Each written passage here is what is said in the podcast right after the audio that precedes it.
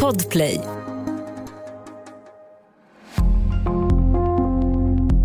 Välkommen till True Crime-podden Sommar. Det här är en podd för dig som älskar true crime. Och för att göra det enklare för dig att få den mest spännande true crime-lyssningen har vi samlat de bästa avsnitten och poddarna från Podplays katalog. Vi hoppas att du ska få en riktigt bra och rafflande sommarlyssning och förhoppningsvis också hitta en ny favoritpodd hos oss på Podplay. Jag heter Hasse Aro och jag kommer att vara din guide hela sommaren. Tack för att du lyssnar.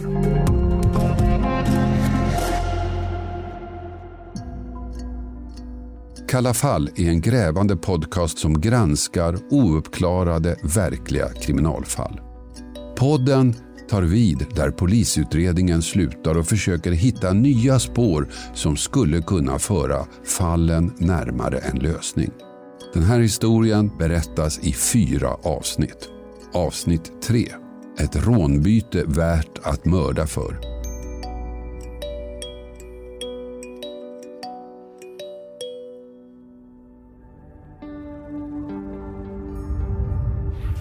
Tänker på det nästan dagligen. Alltså. Det är sjukt att du ringde och pratade om det. Alltså. För att jag, jag, jag är helt... Uh, ja, det, det är otäckt det där. Alltså, att man, jag känner på mig att jag, jag känner mördaren. Liksom. När vi inledde vår granskning av mordet på Visby hotell och började intervjua de tidigare anställda så fick vi snabbt upp ögonen för en specifik person. En person med kopplingar till hotellet. Ja, det var ju min teori länge, liksom, att det, det, är någon som, som känner till de här rutinerna, vet liksom vilka dörrar man ska öppna och var, vart pengar finns. En person som Kristina måste ha känt igen. Enda anledningen till att slå ihjäl henne är att hon känner igen honom. Den som först hade tipsat oss om den här personen var Stig Larsson, som ni säkert minns från första säsongen av Kalla fall. Ja, jag pratade med en kille häromdagen som hade ett ytterligare namn. Och sen var det det där jag berättade för dig. Min granne. Vi kan åka hem till honom så ska du få höra direkt. Va? Men det här är ett bra tips. Eftersom tipsaren Stig hade berättat att hans granne hade intressanta uppgifter stämde jag möte med honom och grannen vid en gammal soptipp utanför Visby som numera används som motocrossbana. Stig, Stig sa att du, du har någon kunskap om hotellmordet också? Ja, jag det har jag misstänkt till. Ja. Men det får man väl inte lov säga. Men jag kan berätta nu, ja. det spelar ingen roll. Jag är, så, jag är så gammal. Stigs granne berättar att han på 80-talet sysslade med travhästar. Bland annat hade han hästen Gassel Jones. En häst som under åren sprungit in stora pengar och fått fina placeringar både vid Expressens rikschampionat på Solvalla och vid Gotlands högst ansedda travlopp, Gotlandslöpningen i Visby. En dag i början av 80-talet blev Stigs granne tillfrågad om han kunde tänka sig att sälja hästen. Och sen skulle jag göra mig av med hästen och då frågade han om han, om han, eh, om han fick köpa den. Ja, då sa jag. Det, det, det kan du få. Och han hade aldrig pengar den här killen. Nej. Och så kommer de i 10 000. Och så sa han till mig, men du behöver inte säga att jag har fått, eller du har fått de här kontanta pengarna. Nej. Nej, det ska jag inte säga. Jag har inte sagt någonting heller. Så han fick jag köpa den. Mm.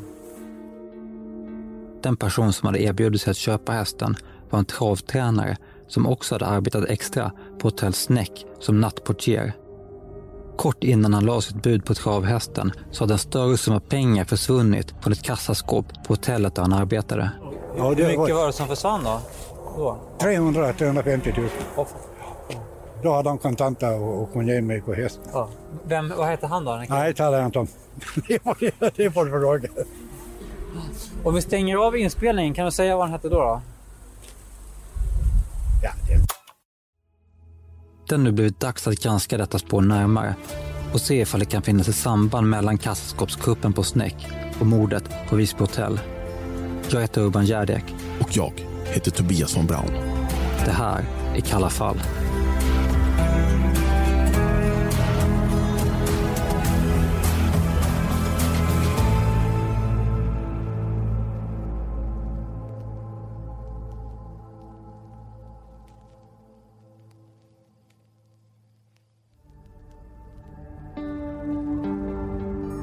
Kommer det sig att Kristina skulle ha känt igen någon som jobbade på ett annat hotell.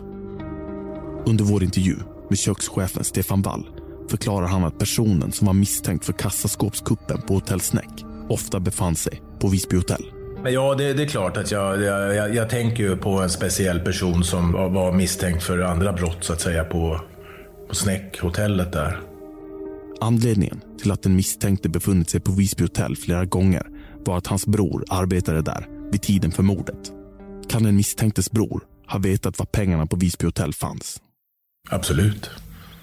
Han jobbade ju med bokningen, så det var ju gamla bokningskontoret. Så det var ju hans domäner på något sätt. Bland annat då. Den misstänktes bror var nämligen en person som Kristina kände väl. Vi har honom här. Har du hört några andra rykten om att folk skulle varit inblandade och sådär? Nej. Nej, inget faktiskt. En sån här person som några har nämnt, det är ju din, din brorsa. Ja. Varför, varför då? Det låter jättekonstigt. Han var Kristinas närmaste chef. Det är någonting med snäck va? Som folk har, eh, har nämnt. Eh, Det var väl, måste ju varit många år innan. Eh, där, där, ja, det var deras kassaskåp blev, blev länsat. Det kommer jag ihåg. Kunde det verkligen vara så att brodern till Kristinas närmaste chef på något sätt var inblandad i mordet? För att gå till botten med misstankarna behöver vi backa bandet och titta närmare på vad som egentligen hände under kassaskåpskuppen på Hotell Snäck sommaren 1983.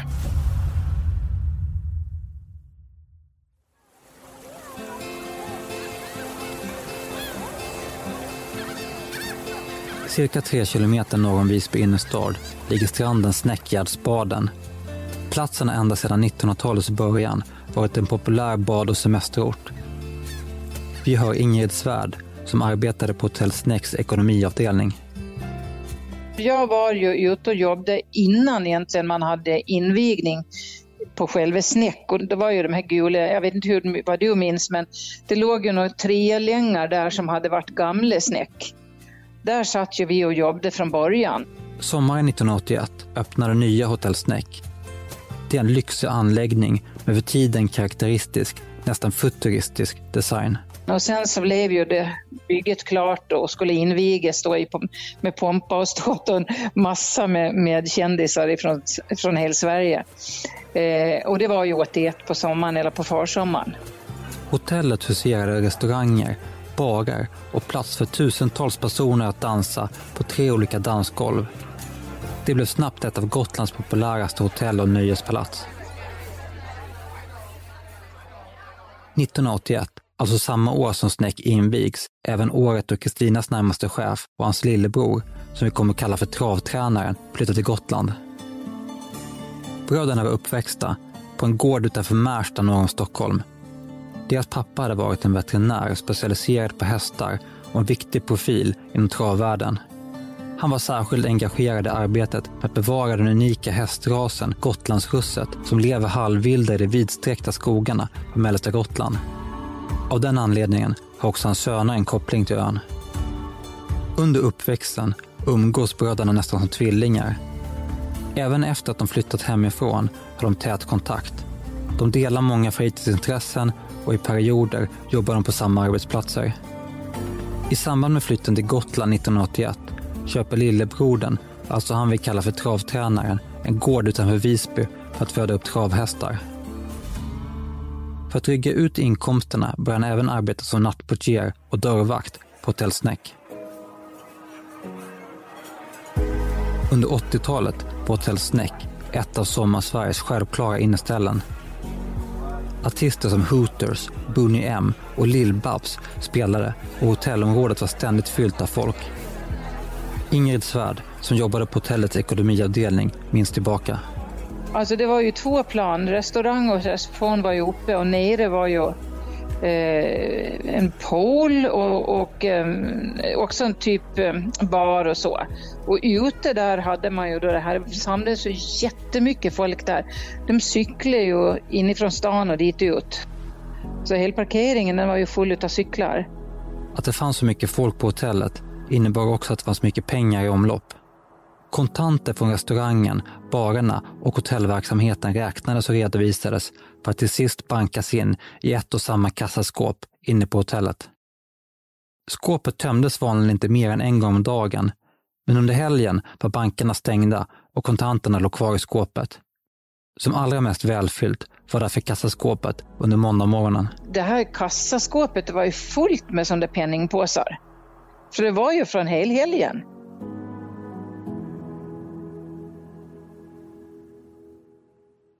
you Ett poddtips från Podplay. I podden Något Kaiko garanterar östgötarna Brutti och jag, Davva, dig en stor dos skratt. Där följer jag pladask för köttätandet igen. Man är lite som en jävla vampyr. Man har fått lite blodsmak och då måste man ha mer. Udda spaningar, fängslande anekdoter och en och annan arg rant. Jag måste ha mitt kaffe på morgonen för annars är jag ingen trevlig människa. Då är du ingen trevlig människa, punkt. Något Kaiko, hör du på Podplay. Därför är gardinerna. Helgen den 16 till den 18 juli 1983 var hektiska dagar på Hotell Snäck. Det här var ju den helgen på sommaren som, eh, som nog var den största helgen eh, där man sålde liksom, eh, där det var mest folk här. För vi hade ju en, eh, som någonting som vi kallade för after beach. Eh, och det började ju på eftermiddagen där vid fyra tiden tror jag. Då gick vi och som satt på kontoret oftast hem. Fredags eftermiddagen den 16 juli slutade alltså de anställda på ekonomiavdelningen för dagen. För Ingrid Svärds del var det dags för semester. Hon lämnade därför nyckeln till kassaskåpet där alla pengar förvarades till sin chef. När jag gick så sa jag att nyckeln ligger på ditt bord. Ja, ja, men den skulle han ju ta då. Och sen är det ingen som vet var den tog vägen. På morgonen den 19 juli får Ingrid ett telefonsamtal från sin chef. Jag åkte på måndag morgon härifrån och bilade till Blekinge. Eh, och när jag kom fram dit så ringer han mig. På den tiden hade jag ingen mobil så han ringde ju till min syster då och skulle prata med mig. Och då så, så frågade han bara så här, eh, tog du med dig nyckeln? sa han. Nej, den la jag på ditt bord, sa jag. Jaha, ja, ja, men då vet jag, sa han bara. Och då började jag ju misstänka att det hade hänt någonting. Klockan halv tio på måndag morgonen skulle skåpet öppnas. Man hade då upptäckt att ingen visste var nyckeln fanns. Hotellets ekonomichef har än idag svårt att prata om saken. Ja, det var ju ett, ett trauma kan man säga. Jag var ju ansvarig för kontoret kan man säga. Jag var ju ekonomichef eller controller sa man då. Så eh, det var ingen rolig historia. Man var därför tvungen att bege sig till banken i Visby där reservnyckeln förvarades. När man väl fick upp skåpet kunde man konstatera det man redan fruktat. Det var ju, det var ju jag som skulle öppna öppnade skåpet och upptäckte att det var tomt. Hur, hur, hur reagerade du då? Ja, det, då blev man alldeles kall kan jag säga. Det skulle senare visa sig att 336 000 kronor försvunnit och de följande dagarna beskrevs händelserna i pressen som den största kuppen i Gotlands historia sedan den danske kungen Valdemar Atterdag plundrade Visby 1361. Ingrid Svärd, som jobbade på ekonomiavdelningen, var tvungen att avbryta semestern i Blekinge och skyndsamt åka tillbaka till Gotland. Ja, jag fick något i hem har jag för mig. Eh, för att eh, vi var väl, jag vet, alla var väl misstänkta höll jag på att säga. Eh, så att jag vi kom ju tillbaka hit och, och var på polisförhör här och fick berätta allting så som jag visste då, då och mindes. Polisen kunde konstatera att man under helgen hade förpackat de olika kassorna i plastfodral, så kallade kassetter, som man sedan hade deponerat i hotellets kassaskåp som stod i ett rum utanför receptionen. Vi har Snäcks dåvarande ekonomichef igen. Det var ju ett sånt här skåp där man bankade kassorna. Alltså det fanns ju restauranger, det fanns barer och, och lite överallt.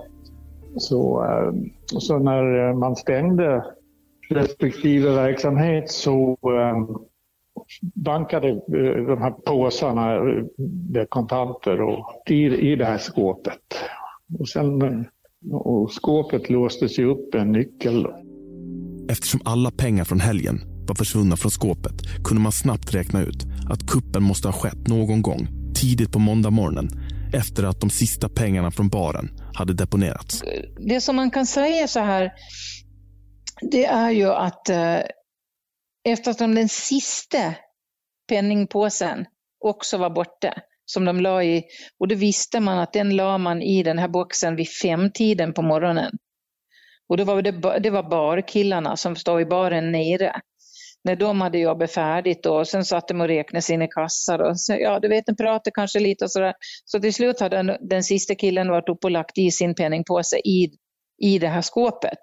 Och då var klockan nästan fem på morgonen. Och den påsen var ju också borta. Så att jag menar, det låg ju ingenting kvar. Så det måste ju ha hänt efter det. Mest sannolikt hade kuppen skett under ett tidsfönster på cirka 20 minuter vid femtiden på morgonen när hotellets receptionist hade gått för att förbereda frukosten.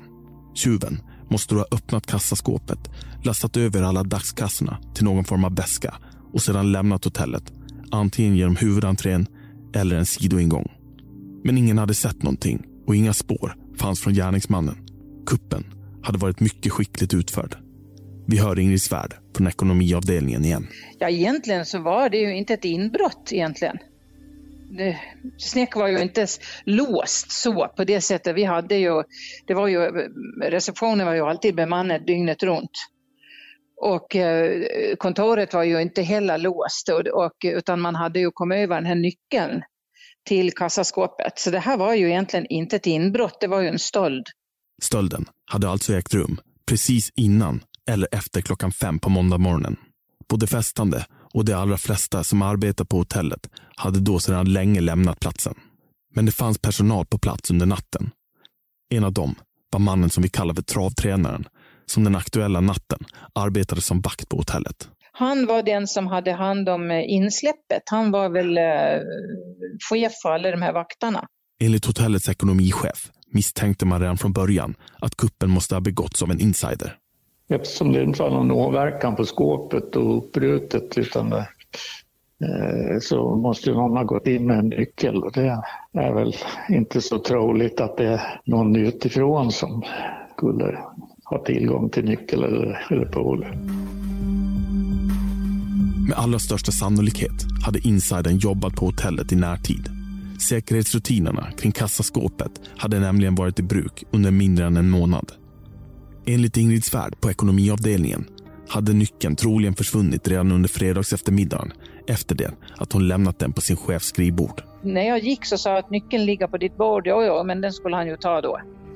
Men han var ju inte på plats när jag lämnade ifrån mig den och det var väl, det var väl dumt. Och då tror ju jag att någon, någon som jobbade där, för det kan ju inte vara någon annan än någon som har jobbat där, har ju varit in på kontoret och kanske sett det här och lagt beslag på nyckeln redan på fredagen. Och jag vet, jag pratade med eh, jag vet, Lennart Ekengren, han var ju polis på den tiden och utredare och så. God vän till mig och jag vet vi pratade om det en gång och då sa jag så här, men jag tycker det är så konstigt om man ser en nyckel ligga någonstans, varför, varför tar man inte den och ger den till någon som man vet kan skydda nyckeln? Istället för att låta den ligga framme då eftersom han ju rimligtvis inte kom tillbaka när han skulle. Men då sa Lennart att nej, men du ska veta att det finns ju folk som bara ser möjligheter när de hittar en nyckel. Alltså, vi människor som är ärliga, vi försöker skydda saker som någon kan utnyttja. Men det finns ju de som alltid ser möjligheten till att utnyttja någonting. Det är ju det som är skillnaden. Liksom.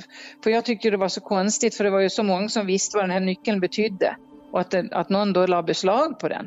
Det, det, var ju så mystiskt allt. Allting var ju så mystiskt. Tusen frågor. Hur utredningen därefter framskred är höljt i dunkel. Ingen dömdes någonsin och i samband med att brottet preskriberades så blev hela polisutredningen makulerad. Jag tror inte att man, eller, eller också så har man bestämt sig för vem det är och inte kan påvisa, och man kan inte bevisa det. Jag, jag vet ju att de undersökte ju om det var någon som hade kostat på sig någonting speciellt efteråt, att det var någon som hade spenderat pengar och så här. Men för den som är smart gör ju inte det. Under de här åren florerade många rykten bland personalen. Nu har en annan för detta anställd på Hotell Snäck det var ju snack om att de var ute och grävde upp i någons eh, trädgård eller något sånt där. Men någon som hade en hästgård där för mig. Och det, det är där jag inte riktigt vågar säga vad som hände. För det, det här är bara någonting som jag har fått far med. Men att det var någon, att de var ute och letade på någon gård, någon som bodde i en gård. Vi hör Ingrid Svärd på ekonomiavdelningen igen. Eh, och det är ju som han Lennart Ekengren som jag pratade om, han sa att tillfället gör tjuven. Någon visste ju absolut vad den där nyckeln gick till och eh, såg möjligheten. Den hade ju aldrig liggt framme förut. Så att det var ju, det är ju tillfället gör tjuven, det är nog så. Det är bara frågan vem, vem var det som fick tillfället. Man kan ju inte peka ut någon så, men du förstår nog vilket, åt vilket håll jag tänker.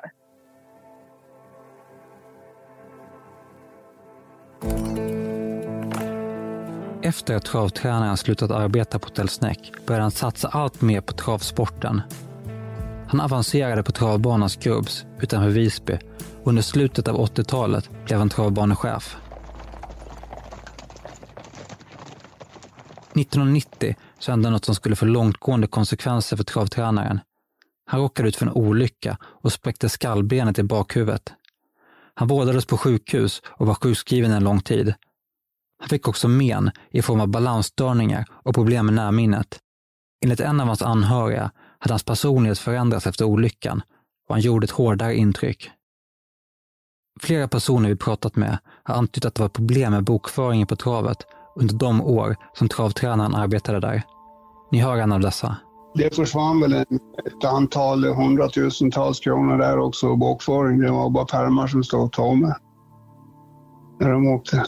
Vi har eh, varit i kontakt med många av de som satt i styrelsen där eh, då för Skrubbs. Och eh, det som de har gemensamt är att de absolut inte vill prata. Nej, det kan jag förstå. Ja. Några bevis för att det förekommit ekonomiska oegentligheter på travbanan framkom dock aldrig. Travtränaren arbetade som chef för travbanan till 1992. Efter att han slutade där fortsatte han arbeta som vakt på olika restauranger i Visby innerstad och började även syssla med olika former av affärer. Det gick dock inte så bra och han blev kraftigt skuldsatt. I februari 1994 flyttade han tillbaka till Stockholm.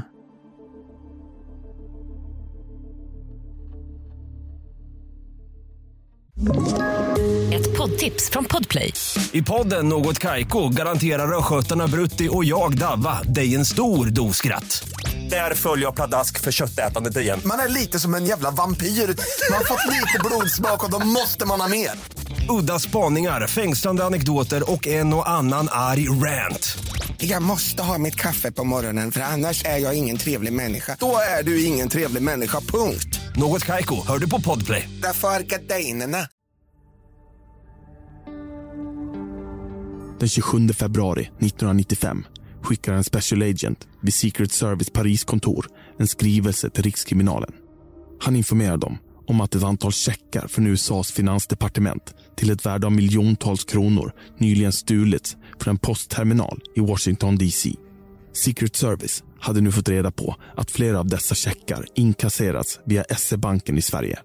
Det blev startskottet för en komplicerad härva som under de kommande månaderna rullades upp. Det visade sig att travtränaren hade varit en av centralgestalterna i härvan.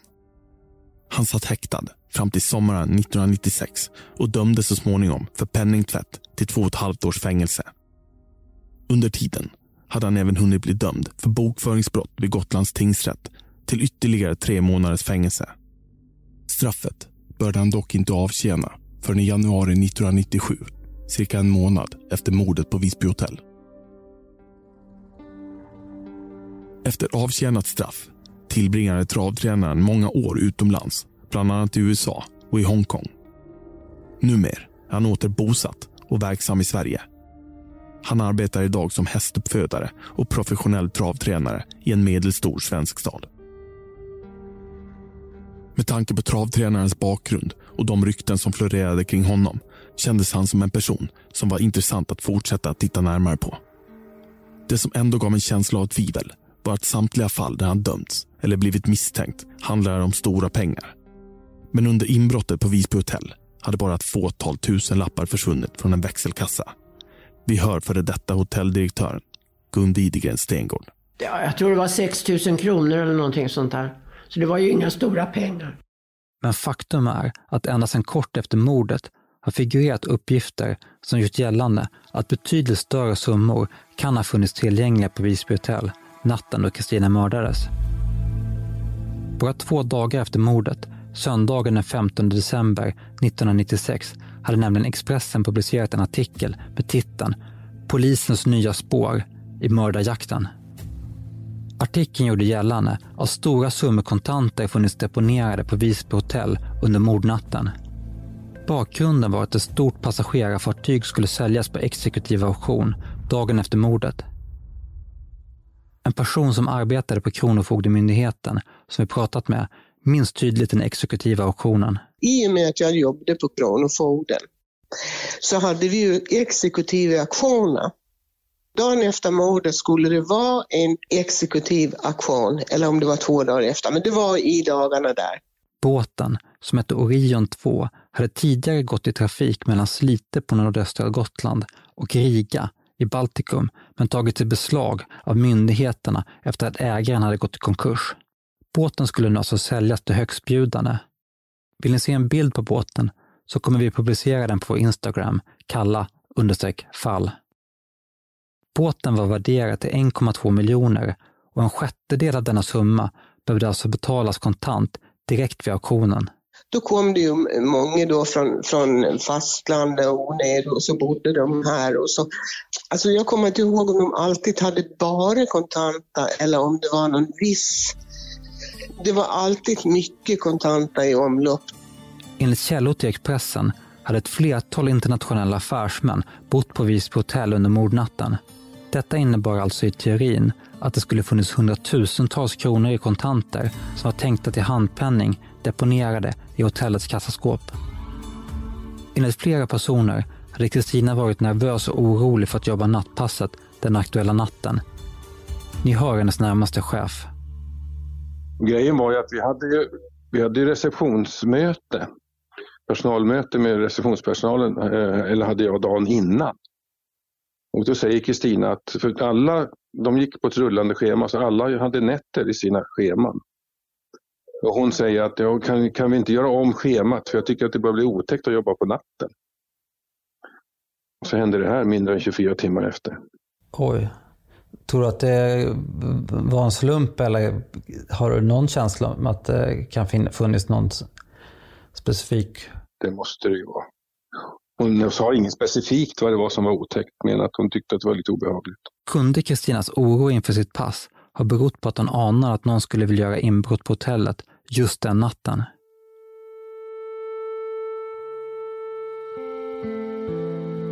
För att en gång för alla gå till botten med de olika misstankarna kände vi att det nu blivit dags för oss att kontakta travtränaren för att höra hans sida av historien. Ja, hejsan. Eh, Tobias von Braun heter jag. Vad bra att, du, att jag kunde få tag i dig. Hej.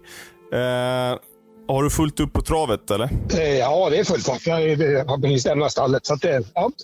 Eh, men, men jag har inte så mycket med det där att göra. Så att, eh, är det inte brorsan du söker eller? Nej, det, det, är egentligen så här att vi, vi har pratat med, eh, med alla egentligen som, som har som har jobbet på hotellet och vi har pratat med, med åklagare och poliser och, och, och allt möjligt sådär. Vad jag förstår, har, har du jobbet på hotellet? Ja, ja, både och kan man säga. Jag har jobbat som, som eh, hade en firma med ordningsvakter, eh, så jag har ju haft de flesta ställena runt om på Gotland. Jag har jobbat på hotellet tidigare i, i olika grejer, så, alltså, som ordningsvakt. Och så här. Jag har egentligen inget att tillföra alls när, när det gäller mordet. Så. Det finns flertalet som, som fortfarande nämner ditt namn. Ja, okej. Okay. Eh, och då, då blir man ju nyfiken från våran sida. Ja, att, eh, ja det, blir, det blir jag också kan jag säga. Ja. Eh, för, eh, så då var jag tvungen att prata med dig såklart. Enligt travtränaren finns det en enkel förklaring till att han inte kunde varit inblandad i hotellmordet. Då, när det här skedde, då bodde inte jag på Gotland alls. Jag bodde, jag bodde, jag bodde i Stockholm då, men, men eh, då när mordet skedde eh, så var jag, jag kommer inte ihåg om det var Småland eller Skåne, men det, det, det är så pass länge sedan. Men, men eh, jag var inte på Gotland överhuvudtaget. Så att, ja, men, jag avfärdades direkt av det där. Men eh, jag har ju fått höra varför de blev intresserade av mig det, det var ju alltså för att det var, jag tror att det var en tjej som jobbade i baren. Eh, som hade eh, påstått att hon hade sett mig eh, på, eh, i, i, alltså på hotellet på kvällen innan. Eh, och det var där, därför så kontaktade de mig. De, men det avfärdades ju på en gång. Så att det, det var liksom inte... Jag var ju aldrig kallad över utan det, det, jag träffade en polis på, jag vet inte om det var en Gotlandspolis heller. Jag träffade en polis på landet. Så det, men det, det var liksom... Det var över så fort att eh, det var liksom, du, du träffade en polis på fastlandet och sen var det färdigt. Liksom. Ja, ja visst. Ja, men det, det, det, det var inte fem minuter en gång. Alltså, det, det var liksom bara piff, papp, off så var det borta. Så det, det, ja, Det var ju märkligt, men då, då förstår man ju kanske eh, om det var någon som, eh, som, som sa det, att du var där. Att det, då liksom de ryktena stannat kvar. Ja, ja, men alltså, det, det, det, har ju alltid varit en jävla massa rykten runt mig. Så, så att det, det, ja, men om allting. Men det, det, var ju samma. Det var ju, jag jobbade ju på Snäck när, eh, när det rånet var. Jag menar, det, då, då var jag utpekad där också. va. Det, det, Men varför tror du att det är så då? Ja, men det, det, jag är då på Snäck, men det, jag var ju en av nattportierna som, som jobbade där. Så att det, det, eh, ja, men vi var ju utpekade allihop. Och jag menar, det, det, eh, alltså Snäck är ju, det, det, ja, men den kan jag ju mer så att säga. Det, det, för att, men det, det var ju mycket allvarligare förhör. Eh, men, ja, men det, var, det var väl inget snack om att det, det måste ju ha varit insatt. Sen att nattportieren eh, inte hade tillgång till, för det var ju öppnat med nyckel och, och så vidare. Så det, eh, det är ju en annan sak. Men, men eh, För den nyckeln för, försvann ju från något eh, eh, från kontorsrum där eh, precis på samma dag. Ja, nå, någonting sånt. Va? Det, det, det, men det, det, det fanns ju liksom inga tillgångar på det. Så, så att det, men jag var ju avskriven där också. Eh, om det, angående det så, så, så florerar det också rykten om att polisen skulle ha grävt upp din trädgård. Nej, det, det har de inte gjort. Kristinas närmaste chef, alltså travtränarens storebror, hade inte känt till de rykten som påstod att hans bror skulle kunna vara inblandad i mordet. Det borde han ju ha sagt, men det, det har vi inte. Det skulle jag kommit ihåg om han hade sagt. Så att det tror jag inte. Har, har du någon idé om vad det beror på att det är så många som, som eh, har misstankar mot honom? Liksom? Ja, är det ett flertal? Nej, jag har ingen aning. Jag vet inte det. Lite konstigt. Ja. Det var nytt, det nytt för mig att han skulle vara inblandad i det. Tror du att han skulle kunna vara inblandad? Nej, det har jag väldigt svårt att tänka mig. Jag kommer, när var det här? var 96. Då bodde han inte på Gotland längre. Han har heller inget minne av att travtränaren skulle ha varit på besök på ön vid tiden för mordet. Nej, inte vad jag kommer ihåg i alla fall. Och som sagt, han borde ha bott hos mig då. Han hade ju ingen annanstans att bo. Vi tog även upp misstankarna mot travtränaren under vår intervju med före detta kriminalinspektör B.C. Larsson. Nej, det var väl eh, bekräftat att han var inte här. Sen var hur mycket man har forskat i efterhand, det, det kan jag inte svara på för att där var jag inte med. Men jag vet ju vem han är och jag gillar det alltihop. Men, eh, Tror du att han skulle vara kapabel till att göra en sån grej? nej, nej, nej.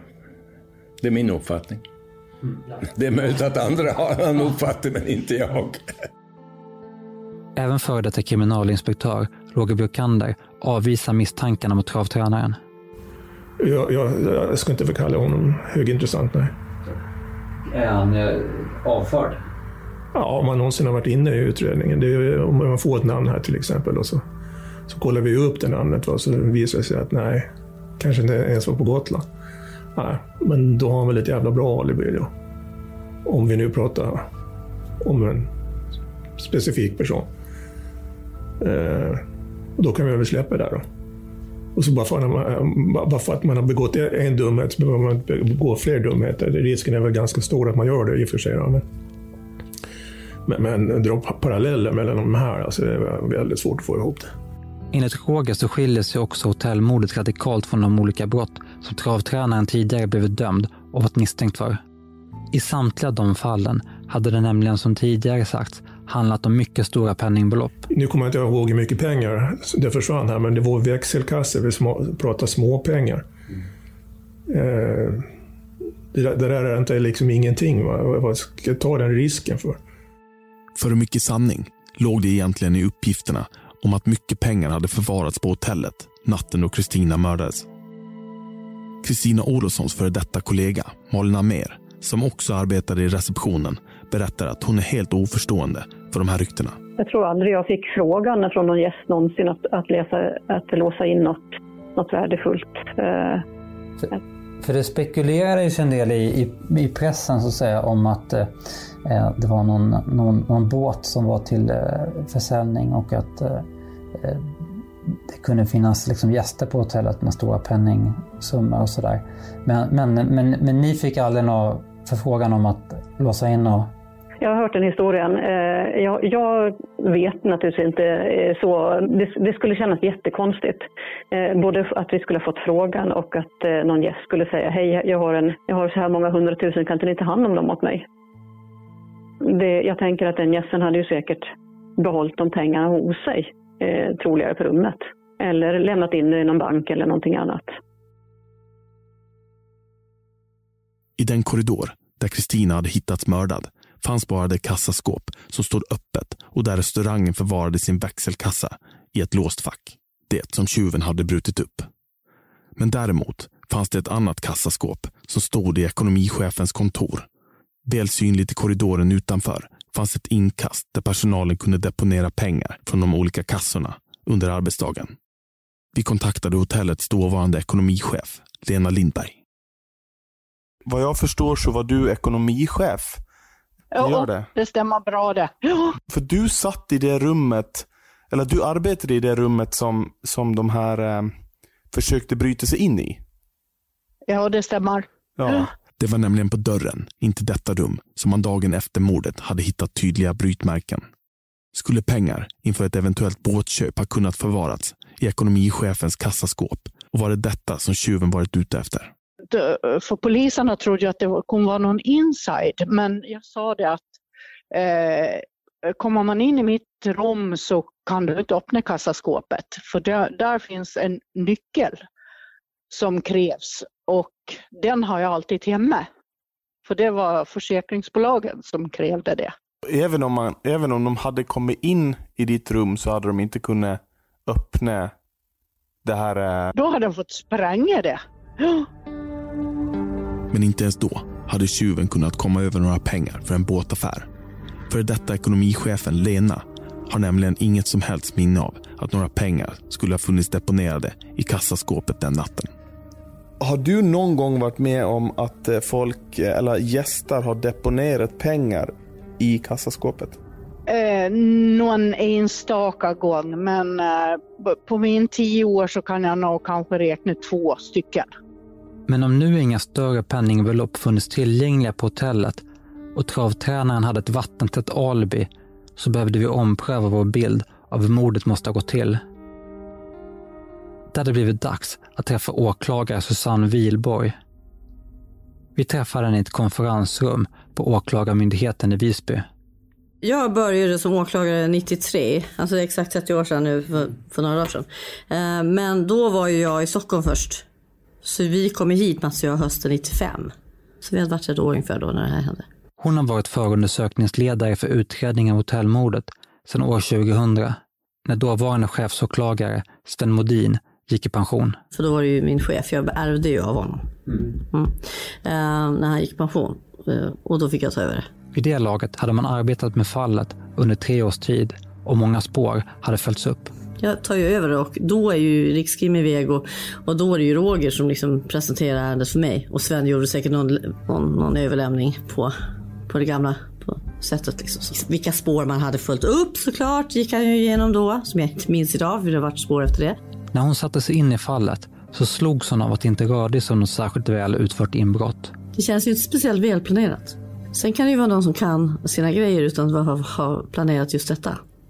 Om vi, om jag utgår ifrån att det är en, ett inbrott som går fel eller en stöld som går fel så är den ju inte välplanerad. Och de som då agerade mycket på den tiden, de var ju väldigt välplanerade. Eh, de hade ju liksom specialskor och allt möjligt. Så att, eh, nej, jag tror inte att det var speciellt välplanerat. Utan det är nog en, en plötslig tanke. Det är en bild som även tidigare kriminalinspektör Roger Björkander håller med om. Det är ingenting som man har förberett när man åker hemifrån med, med, med brytverktyg och kofötter och eh, vad man nu kan ha med sig för smått, smått, smått och gott och som kan vara bra att ha när man ska göra inbrott på ett hotell. Inbrottet är dåligt planerat. Man har inte haft med sig lämpliga verktyg och det är oklart vad man ens haft för avsikt att stjäla. Sen är det ju ett högriskobjekt kan jag tycka. Att göra inbrott på ett hotell, upptäcktsrisken är ju enorm. Eh, jag menar, det är kanske flera hundra personer som rör sig både till och från och det finns personal där. Eh, receptionen är bemannad och de första kommer väldigt tidigt. Så du har inte så stort spelrum där. Plus att du har alla gäster då som kommer och går. Va? Och de hanterar ju inga pengar. Alltså det, är, det, det, är små, det är små pengar, det är växelkassor. Det var även ytterligare en sak som åklagare Wilborg hade reflekterat över när hon tittade på fallet tillsammans med utredarna. Sen så hade vi Tommy Löfqvist också som var inblandad ett tag och tittade på det och, och han hittade ju liksom att det var fanns fler fotspår än ett till exempel. Mm. Det var, kom, för först var det ju att det skulle vara en ensam gärningsman och sen så även man kanske tyckte att det var eh, kändes som att det kanske hade behövt varit med någon mer än en man ändå. Sådär. Mm. Tidigt under utredningen hade man gått ut med att man misstänkte att brottet begåtts av en ensam gärningsman. Men ju närmare man granskade bevisningen, ju osäkrare blev man på den slutsatsen. Det finns en massa saker som vi tycker liksom att men det kan verkligen en person göra det här. Det finns saker i själva som gör att, att man egentligen bor, ganska tidigt skulle kunna tänka att det är konstigt om det skulle vara en person. Eh, men sen så eh, sitter ju eh, Tommy och tittar på en massa fotspår och hit och dit och då så blir det ju tydligt att det är liksom fler än en skotyp. Och de här eh, Rebook exofittarna. Eh, de var ju kända väldigt tidigt. Ja. Mm. Men det finns fler skor? Ja. I november 2002, två år efter att åklagare Susanne Wilborg hade tagit över som förundersökningsledare, verkade det också som att det äntligen började hända saker i utredningen. Ni hör Östnytt i SVT1. Det sex år gamla mordet på Visby hotell kan vara på väg att klaras upp. En man greps igår av Gotlandspolisen och sitter nu anhållen skäligen misstänkt för mordet på den 46-åriga kvinnliga receptionisten Kristina Olofsson. Den nu gripne mannen har under en tid varit högaktuell i utredningsarbetet. Under torsdagen satt han i förhör lett av kriminalinspektör Mats Hellqvist från Rikskriminalen i Stockholm. Den gripne mannen skulle visa sig tillhöra en krets av människor som polisen under början av 2000-talet hade blivit allt mer intresserad av. Nästa gång i Kalla fall.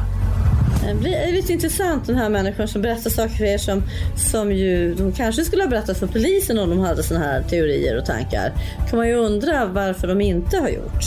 Hon kom in där på kontoret där kassaskåpet stod och vad fan gör ni här? Man var på sin vakt ska jag säga.